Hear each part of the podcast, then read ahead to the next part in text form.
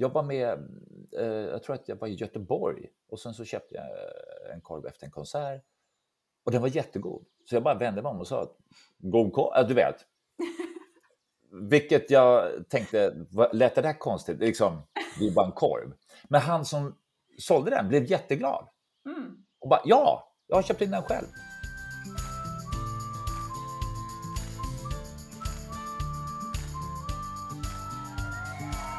Låt dig smittas av glädje i podcasten som förgyller din dag. Välkommen till Glädjepodden med Sandra och gäster. I det här avsnittet så ska du få ta del av ett samtal med komikern och skådespelaren Henrik Hjält. Och du ska också få lyssna med ett extra vaket öra. För Henrik kommer nämligen säga någonting under samtalet som inte är sant och du ska gissa vad. Så det är lite som första april och sen så skickar du in då din gissning till mig och så kommer jag dra en vinnare och man har möjlighet att vinna hudvård från Skinom. Och det här avsnittet det presenteras i samarbete med Mindler som hjälper människor att få psykologhjälp snabbt, enkelt och billigt. Och Mindler är Sveriges största digitala psykologmottagning. De har över 250 legitimerade psykologer. Och där så väljer man själv psykolog och man byter om man känner att man inte klickar. Och som sagt, det här är väldigt enkelt. Det är en del av primärvården, vilket gör att det också är billigt. Så att det kostar som ett vanligt vårdbesök, 100 kronor och frikort gäller. Man får också, som sagt, hjälp snabbt inom 24 timmar. Och det här gäller människor som är över 18 år. Så jag länkar Mindler i poddbeskrivningen. Kolla gärna in det, tipsa andra om det, ladda ner appen. Och där finns det också massa olika självhjälpsprogram som man kan kolla in. Så jag riktar ett eh, stort tack till Mindler för att ni bidrar till en hjärtligare värld på ert sätt. Men också för att eh, ni samarbetar med Glädjepodden och Glädjefabriken. Jag ska också ge några glädjeerbjudanden till eh, alla som lyssnar. Vi har Glimja som är ett e-handelsföretag inom hälsokost och erbjuder 15% rabatt till alla lyssnare. Kolla in det i poddbeskrivningen och eh, på Glimja så hittar du bara de absolut bästa och renaste produkterna. Och så har vi Next Story som ger 45 dagar gratis ljudbokslyssning. Det hittar du också i poddbeskrivningen. Så uppmanar jag nu dig som lyssnar igen att eh, lyssna med ett extra vaket öra och så säger vi varmt välkommen till Henrik. Tack! Men jag tänkte att vi börjar med att eh, kolla läget med dig. Om du var en emoji just nu, eh, utefter ditt humör då, vilken emoji skulle du vara? Den där glada med en liten svettdroppe i pannan. Mm, Lite, sådär, lite sådär, glad, nervös. Eller inte nervös, men liksom, man vet inte vart det ska ta vägen. Ja. Och det är det perfekta. Ja, gud vad spännande. Ja. För att är du bara glad, då går du... Alltså, nu heter ju det... Det är det vi ska tala om, eh, glädje. Men eh, mm. det kan också vara bra att vara lite sådär på alerten eh, i, i, i den sprudlande glädjen. För det är då mm. man öppnar upp sig för nya saker. Ja, men just det, så här, att man har som ett litet sting av någonting. Ja, det, ja, men det ska sitta eh, en, någon liten minivariant av dig själv på axeln och säga gör det, gör det, testa, ja. testa. Ja. För då händer det saker i livet som är spännande. Men tack, nu känner jag att jag blev lite smittad här för att jag sa ju nyss till dig också att jag var väldigt trött. Men ja. nu känner jag att nu vart det, väcktes det ett litet sting i mig. ja, men det kan också vara att man är att man kan vända på det. För du sa så här, men jag är lite trött, så här, det är mycket just nu. Ja, men det, det är ju jättebra. För då har du mm. bejakat att du är liksom trött och befinner dig i den sinnesstämningen. Då tror jag att man jobbar lite så mentalt att, ja men vad bra, då är jag klar med det. Mm. Alltså du har sagt det, du, du är av med det, nu kör vi. Eh, så det tror jag är väldigt bra, att man alltid är väldigt transparent med var man är någonstans. Men jag vet, jag tänker också det just det här med att känna in, för jag brukar alltid köra det nu i podden, det här med emoji. Men jag brukar ja. också köra den när jag har event och sånt där, att de får känna in då så här. För jag tycker det är fint att här, bekräfta sig själv. Ja, Ja. Men? Och så kan det vara så att man är en emoji som till exempel en trött eller ledsen eller någonting så här. Men, och då, just att man bekräftar, man försöker inte bara fly utan man bekräftar. Men sen kan man ju också ställa sig frågan, vad behöver jag just nu? Ja, Ifall att det är så att man behöver någonting. ja, så får man titta på sin emoji och så låter man den berätta för en själv. Mm. Alltså tillbaka, det är som att prata med sig själv. Men Mm. också väldigt proffsigt av dig att, att ta upp det här med vilken emoji är du? För eh, jag läste det, vi är ju extremt beroende av att se varandra i kommunikation. Mm. Och eh, nu lyssnar vi ju bara på varandra och lyssnaren lyssnar på vårt samtal. Eh, och då eh, är det precis som med sms, när man skickar sms, så att man vill skicka en emoji för att lyssnaren eller läsaren ska förstå. Är det här glädje, ironi eller va- vart är vi på väg i texten? Mm. För när man samtalar med någon så skannar vi av varandras eh, ansikten och kroppsspråk hela tiden för att känna av en situation och ett samtal. Och där är emoji jättebra. Vill du berätta lite kort? Jag tror att det är många som säkert känner till ditt namn och sådär. Men om du får berätta lite kort vad du gör och vad du har hållit på med i livet. Ja, och för att placera mig på kartan först så jag har ju kanske är mest känd för att ha varit med i Parlamentet väldigt länge, ett program på TV4 där vi sitter och leker att vi är politiker. Eh, men det har också varit en hel del filmer, eh, andra tv-serier som Playa del Sol, Time Out, Extra Extra, Lilla landet lag, ja, massor. Eh, och eh, teater, som man kanske inte når ut med lika brett som tv ute i landet. Nu är jag ju ute och kör stand-up lite överallt. Och, men det är ju spännande det här med, med just tv, eller det filmade. Idag är det ju inte bara tv, utan det, man kan ju se det överallt. Eh, för att du kan ju vara med på en teater, man, jag har gjort musikal. Eh, och även om det är en stor succé och man gör hundratalet föreställningar på stora teatrar i Stockholm, Göteborg, Malmö, så når man ju inte samma publik som eh, när det är filmat material som kan streamas eller ses på tv. Så det, jag har väl en eh, salig blandning på, på CVt. Vad är det som driver dig då i det du gör? Att... Eh, ja, alltså just inom stand-upen så är det ju att jag vill få någonting sagt. Även om det är skratt och humor på alla sätt och vis så älskar jag att ta upp en tanke eh, som jag har lagt märke till ute i samhället eller med mig själv eller någonting. Eh, så att eh, det tycker jag är vansinnigt roligt för mig att få komma upp med, än att bara ställa sig och dra en Göteborgsvits. Liksom. Det, vilket också är kul, det är inte det, men, eh, men för mig är det, när jag i alla fall kör stand-up, viktigt att komma med någonting. Mm. Jag tänker det också, nu när vi är inne på det här med glädje, att det är ju just det här att för människor att få komma som, få ett avbrott bara från sitt eget liv ett tag och skratta, det är ju jätteviktigt. Ja, eller att också man kanske tar upp något som folk är rädda för eller funderar över och sen så får alla reda på att ah, det går att vända på resonemanget. Det kanske inte är så farligt, Mm. utan man kan skratta åt en stund. Ja, Och det är ju vansinnigt viktigt, eh, faktiskt. Eh, och just nu när eh, vi kanske går igenom en liten orolig period, både i samhället och omvärlden, eh, så är det skönt att få ventilera det. mm. Så det, det är jättekul att få vara ute. Vad är det roligaste av allt du gör då? Oj, eh, vad är det roligt? Nej, men det är ju just...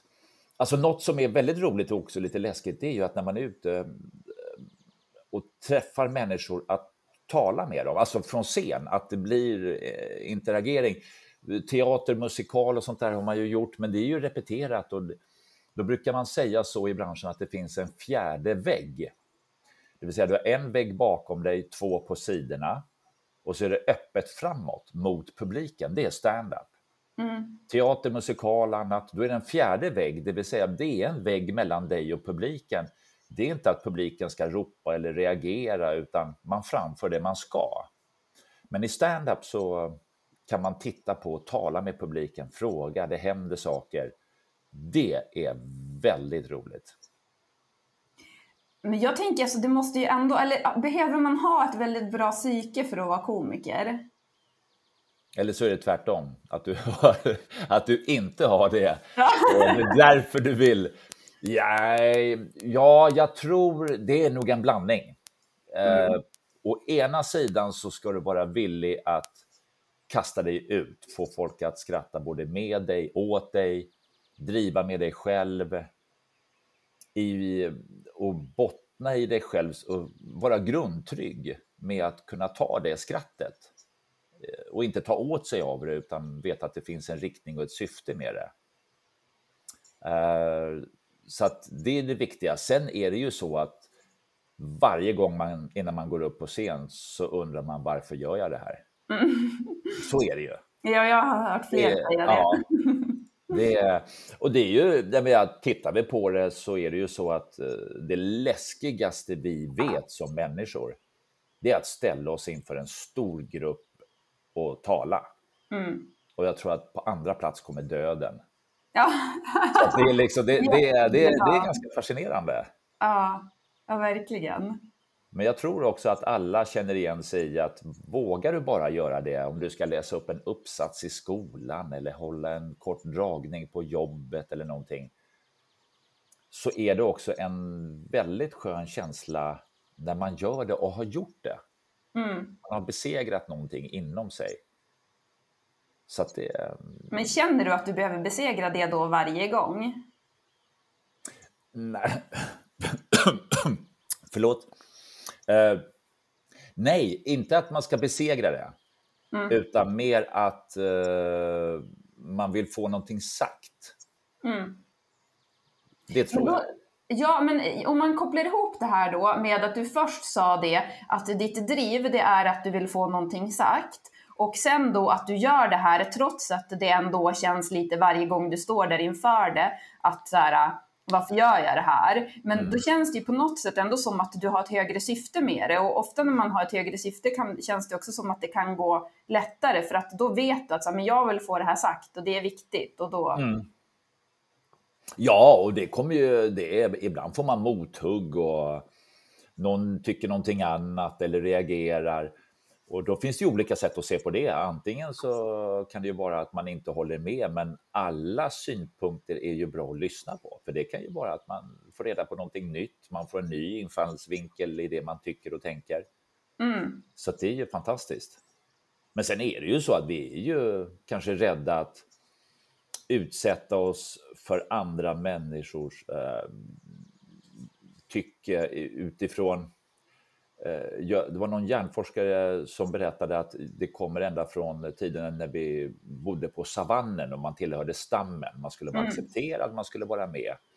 Och att bli utesluten från gemenskapen och stammen, det var en säker död. Ja. Du överlevde inte.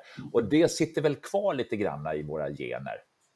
Eh, att att eh, försök hålla med, bryt inte, var, var, var försiktig nu, anpassa dig på tal om det du sa med att så här, det vi är mest rädda för det är att prata inför folk och nummer två det är döden. Men det är för att nummer ett då egentligen så är ju det lika med döden. Ja. Precis, det, det kan vara så. ja. Ja, men det är ett ganska brutalt sätt att dö på ändå. Att bara jag är inte ens värdig att, vara, att existera. Nej, ja, precis. Usch. Det är... Nej, men jag tror, och jag tror också att det kan vara ganska tufft idag. Eh, där vi alla är, det är lätt att sitta digitalt och eh, antingen lajka eller inte lajka grejer på sociala medier och annat. Mm. Och man tänker inte på att det, det kanske känns inom vissa uh, att, att man skriver något lite snabbt, ogenomtänkt i sociala medier. Mm. För det är mycket lättare att göra än att ha personen framför sig. Jag menar under pandemin så eh, har man ju nu gjort undersökningar som visar att stämningen inom vissa företag blev lite tuffare och hårdare för man hade digitala möten och visste att jag kommer inte träffa dig vid kaffeautomaten mm. senare idag. Utan då kan man tycka till ganska tufft på digitala möten om varandra. Men sen när man nu är tillbaka på arbetena så blir det lite mer olja i maskineriet och man måste anpassa sig och acceptera. Och, ja, så det är, det är ju fascinerande. Mm. Ja, gud vad intressant. Ja, det är lite kul. Ja, ja.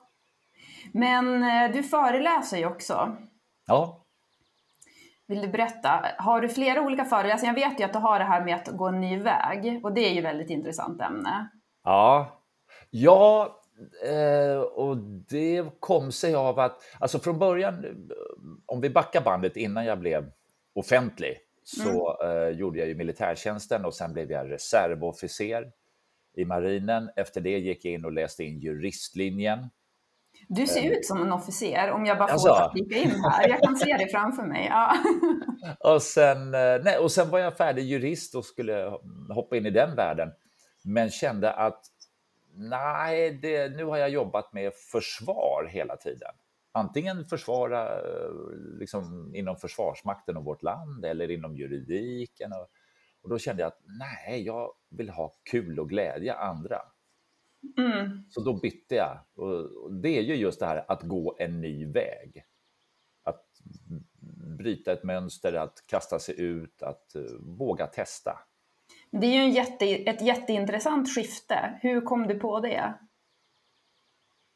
Nej, jag kände att jag ville väl... Eh, jag vet inte, det är ju någonting djupt inom en som skulle ut förmodligen. Mm. Men eh, ehm, jag kände att det var en fantastisk känsla att stå på scen och få folk att skratta, att må bra. Du hade eh, testat det innan? Ja, det hade jag. Så att, eh, jag testade den under studietiden eh, när jag läste i Uppsala på juristlinjen. Mm, och märkte då att det här verkar ju funka. Så det var ju fantastiskt. Eh, och då, den, den känslan var mycket bättre än att ha på sig en kostym och gå upp i en domstol eller eller jobba med affärsjuridik eller vad det än var. Mm. Och eh, jag tror starkt på att om man följer sin vilja och sitt hjärta så du, då blir du bra på det. Ja, man känner ju. Jag känner och orkar framför allt. Mm. För oaktat hur duktig du än är, eh, du kan ha motivation, du kan sätta upp ett mål, du, du jobbar mot någonting. Men det behövs ihärdighet. Det mm. behövs att man fortsätter tills du liksom breakar och blir eh, känd då i mitt yrke eller blir duktig på det du gör, vad det än är. Mm. Jag menar, ska du spela fotboll? Ja, det är 10 000 timmar. Nöt på. Och för att orka nöta, då måste du också bottna i det du jobbar med. Annars så orkar du ju inte. Nej, exakt. Nej. Och då ska man inte bli ledsen över det. Utan då, då har man ju identifierat att uppenbarligen brinner jag inte så mycket för det här så att jag orkar göra jobbet, utan då kanske det är någonting annat jag ska titta på. Mm. Ja, så man känner ju. Mm. Men hur ser du på livet? Ser du på livet som att så här, men det var meningen att du skulle gå in på den där banan eller var det en slump att du hamnade där? Var, hade, du så här, var det, hade du bestämt innan du föddes att men jag ska bli komiker? Eller hur? Ja, då hade jag ju inte ödslat massa tid på utbildning och grejer. Nej, jag alltså, tror att det är slumpen och turen. Du ska ja. bara ha tur. Det, det, ja, alltså, hur får man tur då? Eh, genom att våga vara där. Mm. Vid olika tillfällen. Man brukar säga det att ja, men du, du, ska vara, du ska träffa rätt personer vid rätt tillfälle och ena med det andra. Men för att komma dit så måste du vara öppen för det. Mm. Att du måste våga. Eh, jag var ju extremt orolig när jag ställde mig på scen första gångerna och tänkte hur ska det här gå? Men kände att nej, men jag vill det. Utan jag går upp och gör det och så får vi se hur det landar. Mm. Men för att, vå, liksom, för att kunna då nå framgång så måste du testa. Och då eh, är det så att gör du det i rätt sammanhang med rätt personer. Under min studietid i Uppsala så träffade jag eh, fantastiska vänner som, eh, och vi bildade en humorgrupp. Eh, och tillsammans satte vi upp och stöttade och peppade varandra och nådde då framgång. Mm. Och det var ju också bara ren tur att jag råkade vara där och då och träffa dem. Mm. Ja, men är det då att den här, hur man nu än väljer att se på det, är det då att den där så kallade turen kommer när man lyssnar till kompassen? Ja, bra sagt. Det, det tror jag. Ja. Det är som, det är som att man har eh, fått den för att så här, den kan ju vara med, eller den tänker jag är ju menad att man har fått kompassen för att man ska mm. följa den så mycket som möjligt. Mm. Och ju mer tur får man. Eller du, du kanske inte har fått kompassen, men du har skapat den. Mm. Ja, men tror du inte att alla har en kompass? Man har ju känslor. Ja. Fast du kan väl styra dem själv? Kan du inte det? Du kan göra, eller kan man? Åh, jo. intressant. Uh, ja, det är väl både och. Mm. Men du kan också välja att följa kompassen eller inte. Exakt. Så att eh, det är ju... Jag, jag har ju många kollegor inom juridiken eh, fortfarande som jag träffar. Eh, och så sitter man och lunchar och när de för tionde, tjugonde gången under lunchen sitter och säger att nej, jag trivs, det här är kul, det här är kul, det är mycket jobb, eh, men livet är bra. När de har sagt det 20 gånger, då börjar man undra, vem försöker du övertala? Mm. Eller hur? Det är liksom... Så att, eh, ja. Mm. Men... Eh, och sen kan man ju knuffa sig själv ut i en ny bana också. Mm. Alltså att göra något som påverkar dig. Jag menar, det är som eh, när jag studerade i Uppsala så eh, var det alltid inför sommaren så att rektorn eh, höll ett tal. Eh, och eh, då så satt vi, kommer jag ihåg om det var första eller andra året, och lyssnade på rektorn som sa att nu går ni på ledighet. Men slappna inte av, utan läs. Läs så mycket ni kan och orkar under hela sommaren så att ni är taggade till tänderna när ni kommer tillbaka. Och då rekommenderade han eh, Iliaden eller någon sån här grekisk litteratur. Och då så sa han att det är ju fantastiskt bra på, på grekiska, men jag rekommenderar att ni går tillbaks till gammelgrekiska.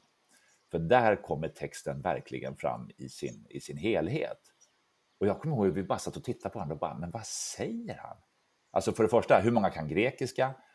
Mm. Och gammelgrekiska, är det något, du vet? Så då uh, kände jag att nej, nu ska jag knuffa mig själv i en ny riktning. Så jag ställde mig upp och, och, och så sa jag det att jag vill inte påstå att uh, rektorn för Uppsala, Uppsala universitet är, är tråkig och världsfrånvänd. Men jag är villig att diskutera frågan. och i och med det visste jag liksom att nu, nu, är det dags för mig att välja en ny bana. ja, nej, så att det är, man bestämmer vart man tar vägen. Ja. Men vad, föreläsningarna då, det här med att välja en ny väg, vilka mm. riktar det sig emot? Ja, egentligen så kanske titeln är lite högt satt, för att det handlar inte om att man måste gå en ny väg. Mm. Utan vad jag talar om när, eh, i min föreläsning, det är eh, hur tänker jag när jag ska testa någonting nytt? Det antingen så stort som att byta bana mellan Försvarsmakten, juridiken, eh, underhållningsvärlden. Det är ju stora kliv. Men även hur tänkte jag när jag skulle börja göra min första långfilm eller massa små beslut vi tar hela tiden. Mm. Och där har jag små nycklar och tänk, tankesätt hur man kan se på saker och ting. Livet är inte alltid lätt. Det är liksom, så är det. Vi vill alla att det ska vara det.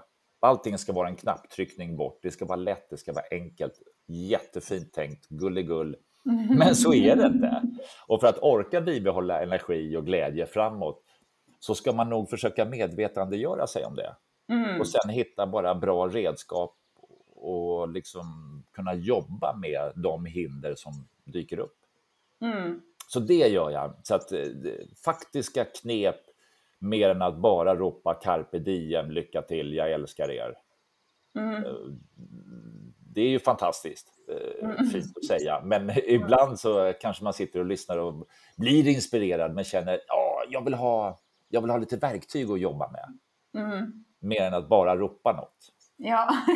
Så det, ja, Ja, nej men det låter ju som att det är någonting som passar de flesta. För det är ju faktiskt just så här, även om man känner att man är på rätt bana, så det är ändå som att i den banan så kan det ju vara så att man hela tiden behöver, ja men man justerar saker, man Mm. förändras, man behöver utvecklas där och ja, ta nya beslut, nya ja, små steg. Mm. Ja, precis. Nej, men du kanske jobbar i en organisation där du byter roll. Du sitter på kommunen och ska börja jobba med någonting nytt. Eller, vi vill ju alla utvecklas. Mm. Och i grund och botten, alla människor är fantastiskt duktiga, unika och bra.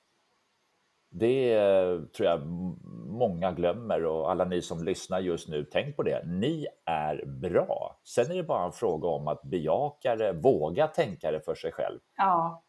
För då öppnar mycket upp sig. Mm. Jo, för det är så lätt faktiskt att det jag gillar att du säger våga tänka det, för det är så lätt att inte våga det, för att det är Mm. något slags beskydd. Att tänka att, ja men om man tänker lite lägre tankar mot, om sig själv så är man Mm. lite skyddad gentemot då den här att kunna bli utstängd från flocken om någon kommer och säger någonting annat. Ja, lite så. Mm. Det, är- men då ska man bottna i att nej, jag är så pass bra så nu kör vi. Men har du, har du en så här grundtrygghet i dig själv? Jag tror att jag har det i form av att jag vet hur jag ska hantera motgångar. Mm. Så det har jag. Men sen är det ju självklart att man är lika orolig som alla andra. Jag tror att skulle jag vara övertygad om min egen förträfflighet och vara liksom grundtrygg och vara, nej men jag kör. Då, nej, det skulle inte passa mig i alla fall, för då tror jag man missar mycket i livet och att lyssna och känna in andra. Och, eh, utan det är en balansgång. Ja, det är ju jättebra att ha ödmjukheten. Och jag tänker också att så här, om du bara, om, du kanske tappar lite det där stinget i så fall, som är ändå en känsla man vill ha. Mm. Inte riktigt att det är kanske nervositet, men det är ändå som ett sting av någonting där. Den där svettdroppen. Ja, precis. Det där lilla... Nej, men jag tror att det är viktigt. Eh, Sen har det väl med personlighet att göra. Jag menar, lyssna på alla intervjuer med Zlatan. Där har du en kille som verkar eh, ha självförtroende. Mm. Och ändå fortsatte han att leverera om och om igen, om och om igen. Just därför den här ihärdigheten att våga och alltihopa. Och, och pusha sig själv. Mm. Ja. Ja. Du har, visst har du varit med i ganska mycket intervjuer och har du varit med i många poddar? Nej, inte... Ja, det är en del, men inte jättemånga. Eh, Men nu vet inte jag. Det var en period när alla skulle ambulera runt i vänstervarv i poddar och spread the word och sådär. Så att, Men jag har väl varit med kanske i tiotalet. Om det är mycket eller lite vet jag inte. Nej. Kanske du vet? Nej, alltså det låter ju, spontant låter det ju mycket, men när man börjar tänka efter genom åren och sådär så vet jag inte heller. Det är jättesvårt Nej. att säga. Men jag tänkte så här, har du någon fråga som du önskar att du skulle ha fått någon gång som du gärna vill svara på? Oj! Eller, eller om du har någon sån här fråga, nu kommer jag in och avbryter mig själv här, men eller om du har någon fråga som så här, det här skulle jag tycka var intressantast att veta om en person. Uh, då... Ja, det är väl den stora. Finns det någon eh, vändpunkt? Finns det något specifikt tillfälle där du kan pinpointa vad som var liksom startskottet till någonting? Mm. Eh, hur ska jag? Jag kan säga så här. Jag var med eh, och gjorde en musikal i Stockholm. Och då hade jag gjort mycket tv-film. Eh, det är kontrollerat. Det, man kan, du vet, man tar en till tagning, man klipper, man redigerar. Eh, sen gick, klev jag upp och gjorde musikal och teater, men då den här musikalen, Spamalot, eh, Monty Python, eh, framförde vi i Stockholm. Eh, och eh, skriven av fantastiska människor, bra regissör, allting är även det ganska kontrollerat. Och vid ett tillfälle så, eh, hade vi, så var vi klara med föreställningen och så går man fram till scenkanten och står och tar emot applåder. Det var en jättesuccé, så det var ju fantastiskt kul. Men då när jag står där så tittar jag på, liksom, men vänta nu här. Bredvid mig har jag Henrik Dorsin, Johan Glans, eh, Robert Rydberg, Adde Malmberg, Kim Solo, alltså du vet, fantastiska skådespelare, Nina Söderqvist.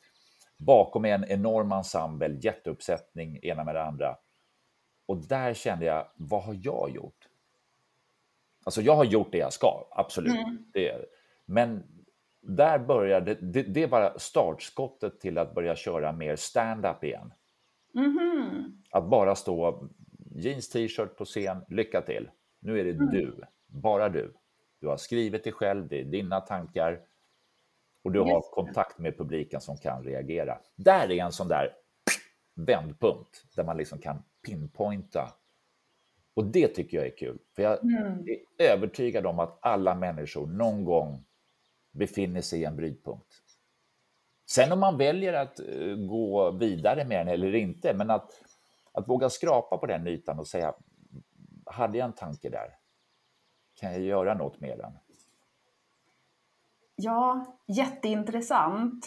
Och det, det, du gav ett väldigt bra konkret exempel. Mm. Jag tänker att vi har, för direkt du sa det, det första jag tänkte då, det var så här, såklart en massa egna grejer som jag kom på. Ja. Eh, och ganska så nyligt också. Men jag tänker att vi har nog ganska många sådana, om man börjar tänka efter. Att så här, Kom du att tänka på något specifikt?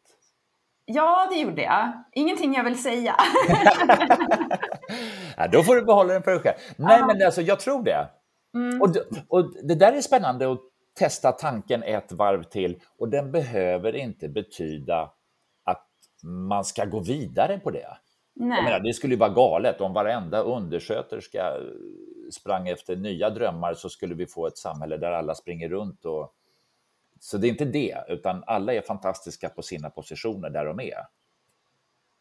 Men det kan vara intressant att leka med tanken ibland, pusha lite. Ja, och sen tänker jag också att det där är en sån här tanke, för att det är en brytpunkt, det behöver ju verkligen inte, det kan ju vara en sån här att ja, men jag behöver börja ta bättre hand om mig själv eller mm. jag ska skaffa ett husdjur. Alltså det kan ju vara precis ja. vad som helst, så det behöver inte bara vara, men jag har faktiskt ett också sånt där jätteklockrent konkret exempel. Ja. Det var innan jag startade Glädjefabriken så var jag och min mormor på sjukhuset och tomtade för cancersjuka barn. Och eh, det var ju den där upplevelsen som då gjorde att jag sen startade Glädjefabriken. Men då har jag som exakta ögonblicket, när vi satt i bilen på väg hem därifrån, så kände jag så här, jag var så här hög på glädje, för det är väl kanske lite det som du känner när du är ute och så här har stand-up, att man blir ju väldigt glad av att göra andra glada. Mm. Att man får verkligen en energi utav det. Så jag satt där och var som hög på den energin och så tänkte jag tanken då så här att det skulle vara mitt drömjobb att få jobba som jultomte på heltid. Fast på mitt eget sätt då sådär. Ja, ja, ja. Eh, så just den tanken var ju också verkligen Ja, du ser, där fick ja. du ju... Så barnen tittade och var glada och uppskattade det såklart. Ja, och de vuxna. Vi var hos vuxna också då, så det var också ah. jättefint. Nej, men du ser, och det är ju fantastiskt starkt av dig att just ta den energin du hade där och då i bilen på väg hem och sen skapa någonting. Just därför att du öppnade upp och erkände känslan.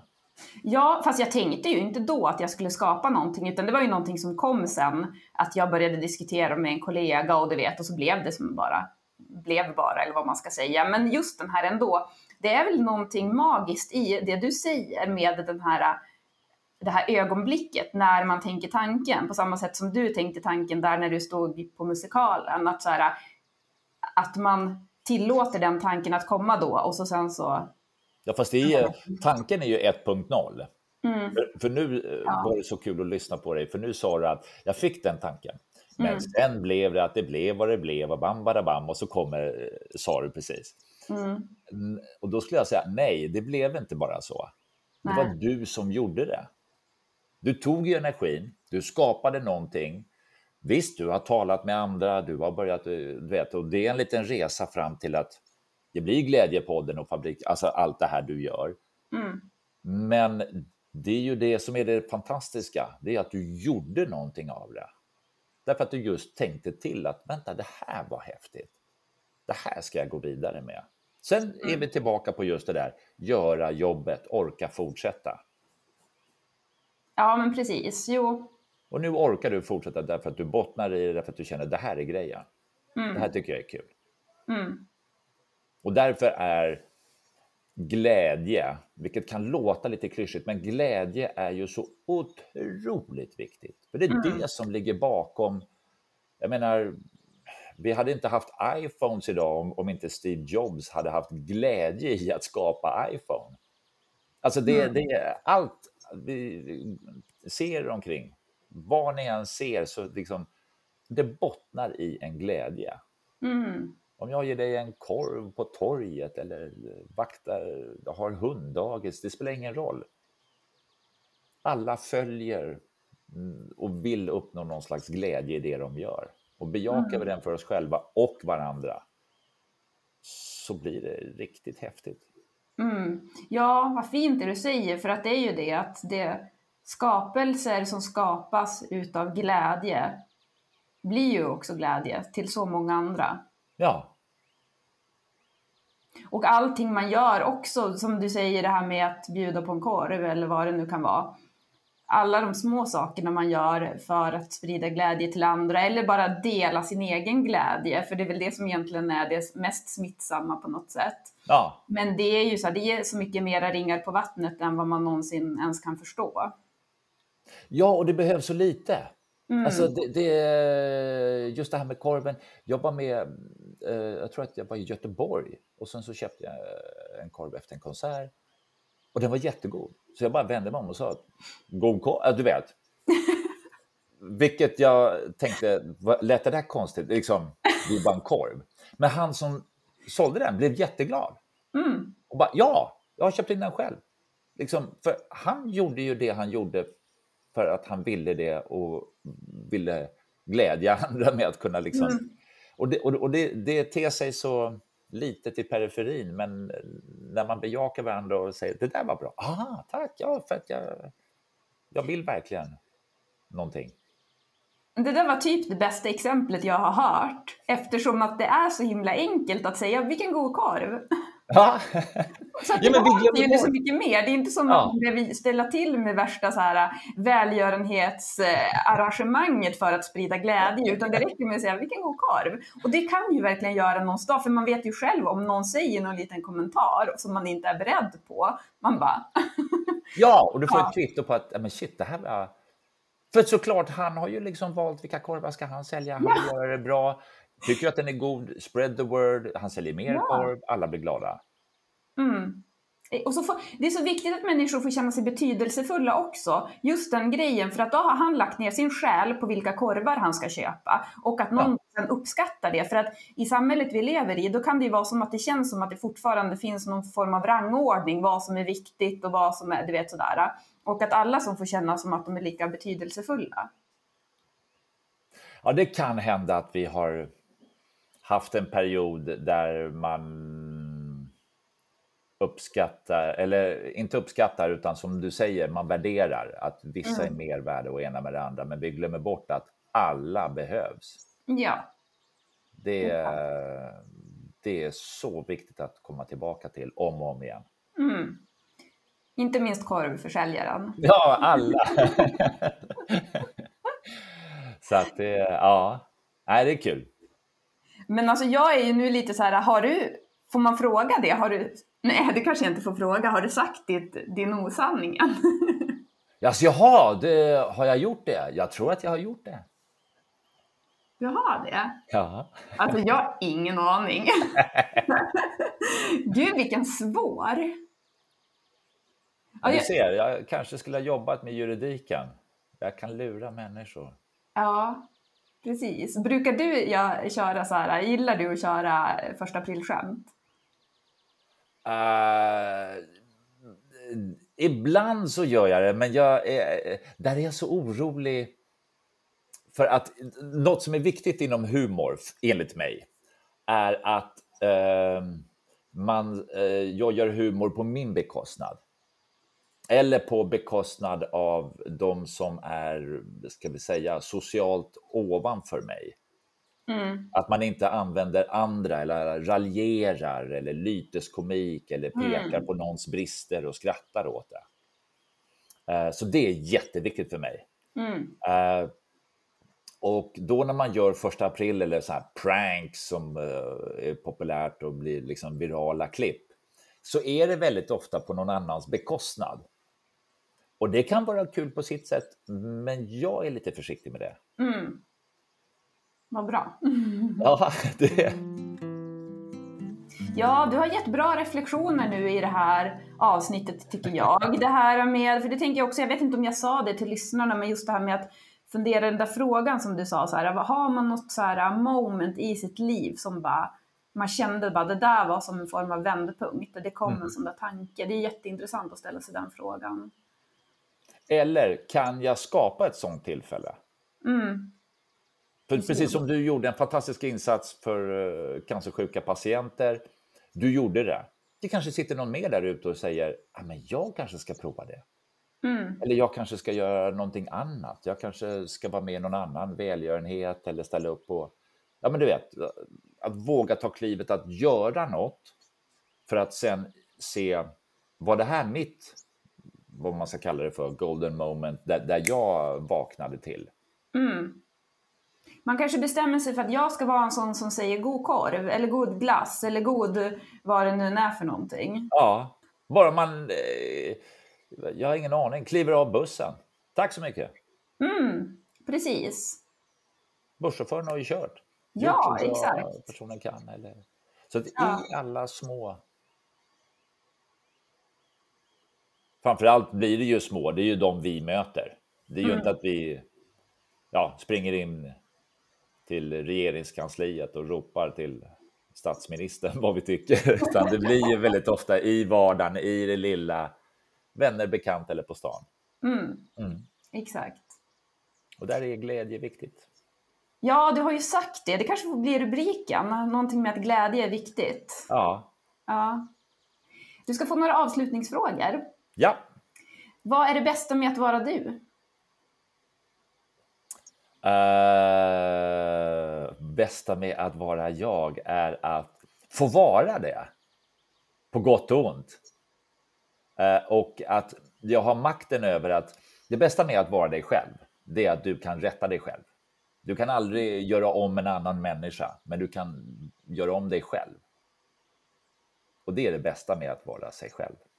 För det bästa med att vara Henrik, det är att jag kan styra Henrik. Mm. Det känns som att du är ganska bra på det. Ja, men det lät väl bra om inte annat. jag kom på mig själv när jag sitter och pratar. Nej, men så är det ju, att du, du, du kan regissera dig själv. Mm, precis. Mm. Och eh, det här är ju podcasten som förgyller din dag. Då undrar jag om du har någonting så här, som brukar förgylla dina dagar eller som du gör för att förgylla dina dagar som du kan skicka med som ett förgylla dagen-tips till lyssnarna. Eh, åh, oh, oj, det är väl högst individuellt, men jag tror att alla skulle må bra av att ibland ta tre minuter och bara ta en paus. Ta en paus i det du gör, var du än är, var det än är. Du har alltid tre minuter över. Den dagen du tycker att du inte har tre minuter över så kan du gå in och titta på din skärmtid på telefonen så lär du dig att jo, då, det finns mycket tid. Och... Ta tre minuter och fundera över hur bra du har det. Mm. Om du inte har det, skapa en förändring.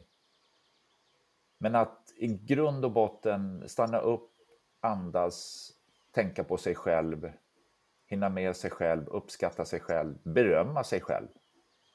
Mm. Det är tips som jag tror att eh, väldigt många skulle behöva. Man lunkar på, man gör det man ska, man glömmer bort sig själv. Och som vi pratade om, du, som du sa, åh, det här med att berömma varandra. Ja, vi kanske inte alltid får så mycket beröm. Då kan vi ge det till oss själva. Våga alla... ge det till oss själva. Ja. Alla är bra. Mm. Tusen tack Henrik! Det här blir spännande. Vi ska ju, nu ska ju jag då gissa avslöjandet här snart och du som lyssnar, du får gissa, mejla in mig då. Eh, eller gissa då, ja, skämtet eller osanningen. Mm. Jag tror att jag kanske har en, en gissning. Ja, eh, men jag ser fram emot att få mejl i alla fall. Och eh, om man vill följa dig, hur gör man det? Jag finns i diverse sociala medier. Mm. Eh, så att eh, det är Facebook, Insta, Twitter och sen poppar det väl upp om jag åker ut och gör något. Jag är inte jätteaktiv, men jag ska se till att jobba på det. Mm. Ja, eh, och har du någon turné eller någonting? Är du ute nu här under sommaren eller till hösten? Jag kommer vara ute under sommaren och till hösten. Så då är jag all over landet. Ja. Eh, och, eh, men kommer lägga upp det i mina sociala medier såklart. Ja. Och sen blir det lite långfilm till, till hösten också, så får vi se vad det blir. Oh, är det någon film som kommer eller någon du ska spela in? Eh, det är, jag kommer dyka upp i en, eh, men eh, sen spelar vi in, ja det är sant, vi spelar in vilket gör att den kommer våren 24. Mm. Ja, vad roligt. Ja, det kommer bli kul. Ja. Har du någonting du vill tillägga nu innan vi avslutar det här samtalet? Nej, eh, tacka och berömma dig för att du har tagit kontakt med mig och gör det du gör. Eh, och eh, Det är häftigt. Jag ser på dig, nu sitter lyssnarna, så jag kan säga det att när jag tittar på Sandra här så är det liksom en glad emoji jag ser. Eh, ja. nej men det är starkt, det är härligt och jag tror att eh, du gör skillnad. Och jag hoppas att alla ni som lyssnar fortsätter lyssna på den här podden med glädje och energi. Så tack så jättemycket. Ja, men tack själv och tack, vad fint du fick in lite reklam för mig där och podden. Ja. ja, tusen tack. Hur ska vi avsluta här nu då? Nej, men vi gör väl... Eh, jag tycker vi säger, eh, som jag tycker är så kul, att eh, hej då, vi ses eller hörs. Eller liksom, mm. ja, det är inte ett hej då. Det är bara så länge. Så att hej och vi hörs. Så länge. Yes.